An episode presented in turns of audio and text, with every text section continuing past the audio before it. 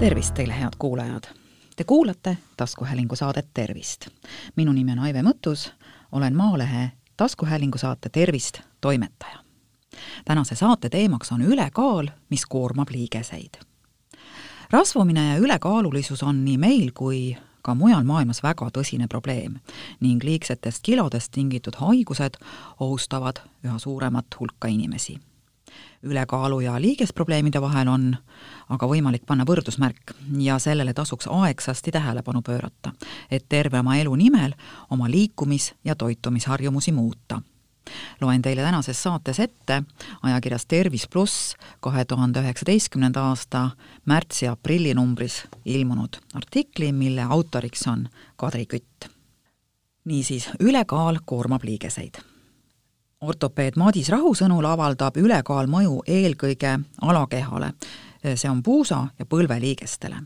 uuringud näitavad, et kehakaalu langetamine viie kilo võrra vähendab liigeses toimuvate muutuste ohtu koguni viiekümne protsendi võrra.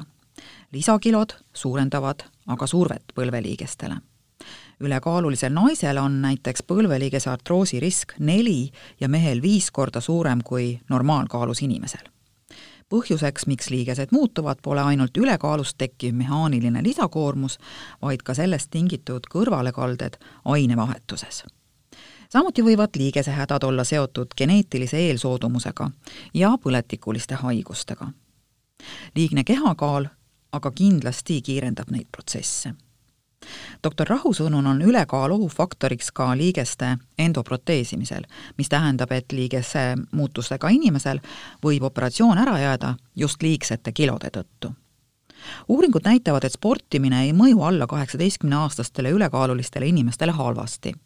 Neile ei esine rohkem spordi, spordivigastusi ega vaevusi kui normaalkaalus inimestel seega tuleks kaaluprobleemiga hakata tegelema juba varases noorukieas, et vältida liigese muutusi hilisemas elus sportimisviisid, kus pole põrutusi, pikemaid staatilisi asendeid, kiireid suunamuutusi ega lisaraskusi, on just sellistele inimestele sobivad. ülekaalulist treenijat ohustavad jalgade ja selja ülekoormusest tekkivad liigesekahjustused. seepärast on soovitav liikumist alustada lühiajalise koormusega, no näiteks kümme-viisteist minutit järjest. kuid teha seda kindlasti iga päev, et tegevusest kujuneks harjumus. kes soovib vaheldust, võib kombineerida erinevaid liikumisharrastusi, näiteks asendada kõndimise vees või jõusaalis treenimisega doktor Rahu sõnul soovitatakse ülekaalu korral aeroobset ehk rasvapõletuskoormust. kõige tõhusamaks peetakse kõndimist, eriti hea on aga igapäevane kepikõnd alustada tuleks kümnest, viieteistkümnest minutist ning pikendada treeningu aega tasapisi kolmekümne, neljakümne minutini. optimaalne kõnnikiirus võiks olla sada sammu minutis. kuid tempot valides peab kindlasti arvestama oma jalgade ja selja olukorraga jala- ja seljahädadega kimpus olevatele inimestele on kepikõnni alternatiiviks igasugused veega seotud tegevused. lisaks ujumisele sobib hästi vees spetsiaalse vööga kõndimine või jooksmine, vesiaeroobika ja vesispinning. jõusaali kompleksseid treeningprogramme peab doktor Rahu samuti efektiivseteks. aga kindlasti võiks treening peale harjutuste sisaldada ka rattasõitu või lindil kõndimist sobivad ka rühmatrennid, mis pole seotud põrutusega, no näiteks jooga või pilates õigesti üles ehitatud lihastreening suurendab lihasmassi ja parandab seega kogu keha ainevahetust personaaltreeneri ja toitumisnõustaja Monika Lauri sõnul võib treeningutega alustamine sõltumata kaalust olla raske, eriti kui regulaarne sportimine on jäänud aastate taha. kõigepealt tuleb elustiilis muudatusi teha, eelkõige otsustada, et hakkad regulaarselt trennis käima igal nädalal vähemalt kaks-kolm korda. inimene saab kõige, kõigega hakkama ka sellega, et alustab üksinda treenimist. soovitan siiski ka personaaltreeneri poole pöörduda, julgustab Monika Laur. sest järje peale saamine on nii lihtsam ja spordiklubigi muutub rutem koduseks kohaks. Monika Lauri soovitab ülekaalulistele alustada rahulikest kardiotreeningutest, näiteks nelikümne, neljakümne viie minutilisest treeningust jõusaalis et liigeseid mitte üle koormata, on kasulik iga viieteistkümne minuti järel uus kardioseade valida.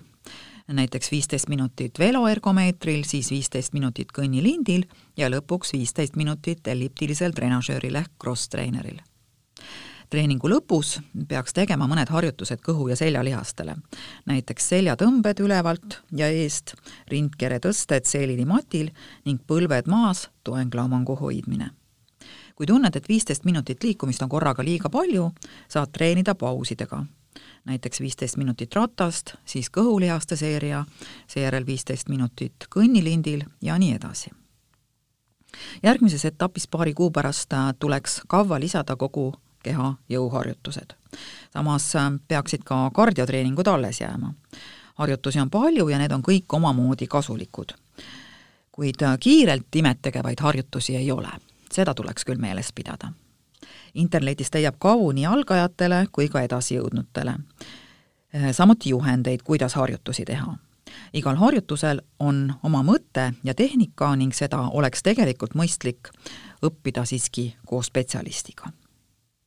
kõige olulisem on otsustavalt treenimist jätkata isegi siis, kui keha protesteerib ja tulemusi peale suurenenud söögiisu kohe ei ole kui põlved või selg hakkavad valutama, tuleb üle vaadata, kus ja kuidas neid liigselt koormatakse ning leida liikumine, mis valuallikale rahu annab. treenimine on üldiselt põnev protsess, sa lood ja taastad järk-järgult kontakti oma kehaga ning õpid teda tundma ja kuulama.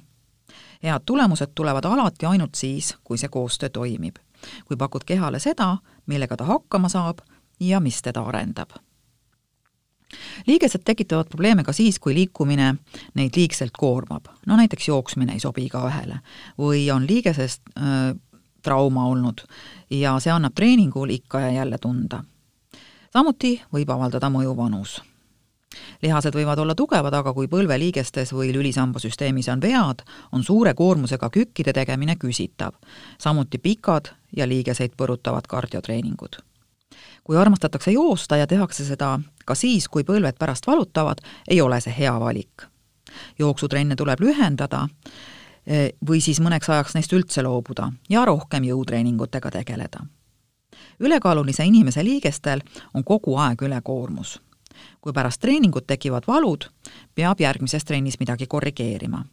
pidev tunnetamine ja katsetamine aitab treenida end tervemaks, mitte haigemaks ülekaalulisena on keha raskus suur ja harjutuste tegemisel ei pruugi seetõttu lisaraskusi vaja ollagi.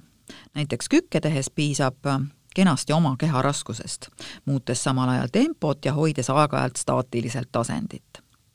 rasvapõletuseks on vaja hapnikku ja see tähendab, et äh, trenni peaks tegema pulsivahemikus, kus keha veel hapnikku omastada suudab, ehk siis madalal pulsil suure ülekaalu korral võib ka kõige lihtsam harjutus aga pulsi väga kõrgele tõsta, mistõttu ei saa väga intensiivsete treeningutega alustada kohe.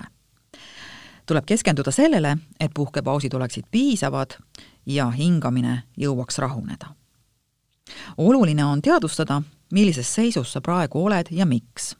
Endalt võiks küsida lihtsaid küsimusi.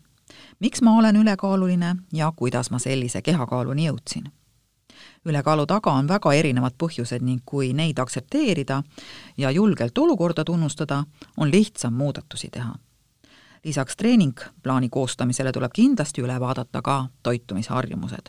siis on lootus kohtuda uuema ja kergema minaga. ning saate lõpetuseks mõned tõeterad toitumisnõustajatelt kõik nad kinnitavad ühest suust, et mis tahes kaalu jälgimiskava alusel me kaalu langetada ka ei ürita, ei pea me kohe kindlasti kartma ei süsivesikuid ega rasvu. tuleb lihtsalt teha õigeid valikuid. süsivesikud on ju aju peamine kütus. kui me need menüüst välja jätame, oleme peagi väsinud ja loiud, pea on mõtetest tühi ja jaksu pole. samuti on head rasvad meile ülivajalikud Neidki kasutab keha energiaallikana, aga ka selleks, et rakumembraanid oleksid terved, et aju hästi töötaks ja keha saaks võidelda põletikega. nii et rõõmsat treenimist teile!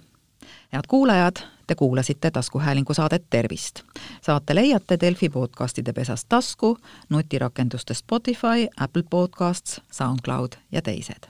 hakake jälgijaks ja kuulake just teile sobival ajal ettepanekuid teemade kohta, mida saates käsitleda, ootan teilt e-posti teel aadressil tervist.maaleht.ee. minu nimi on Aive Mõttus, olen Maalehe taskuhäälingu saate Tervist toimetaja. tervist teile!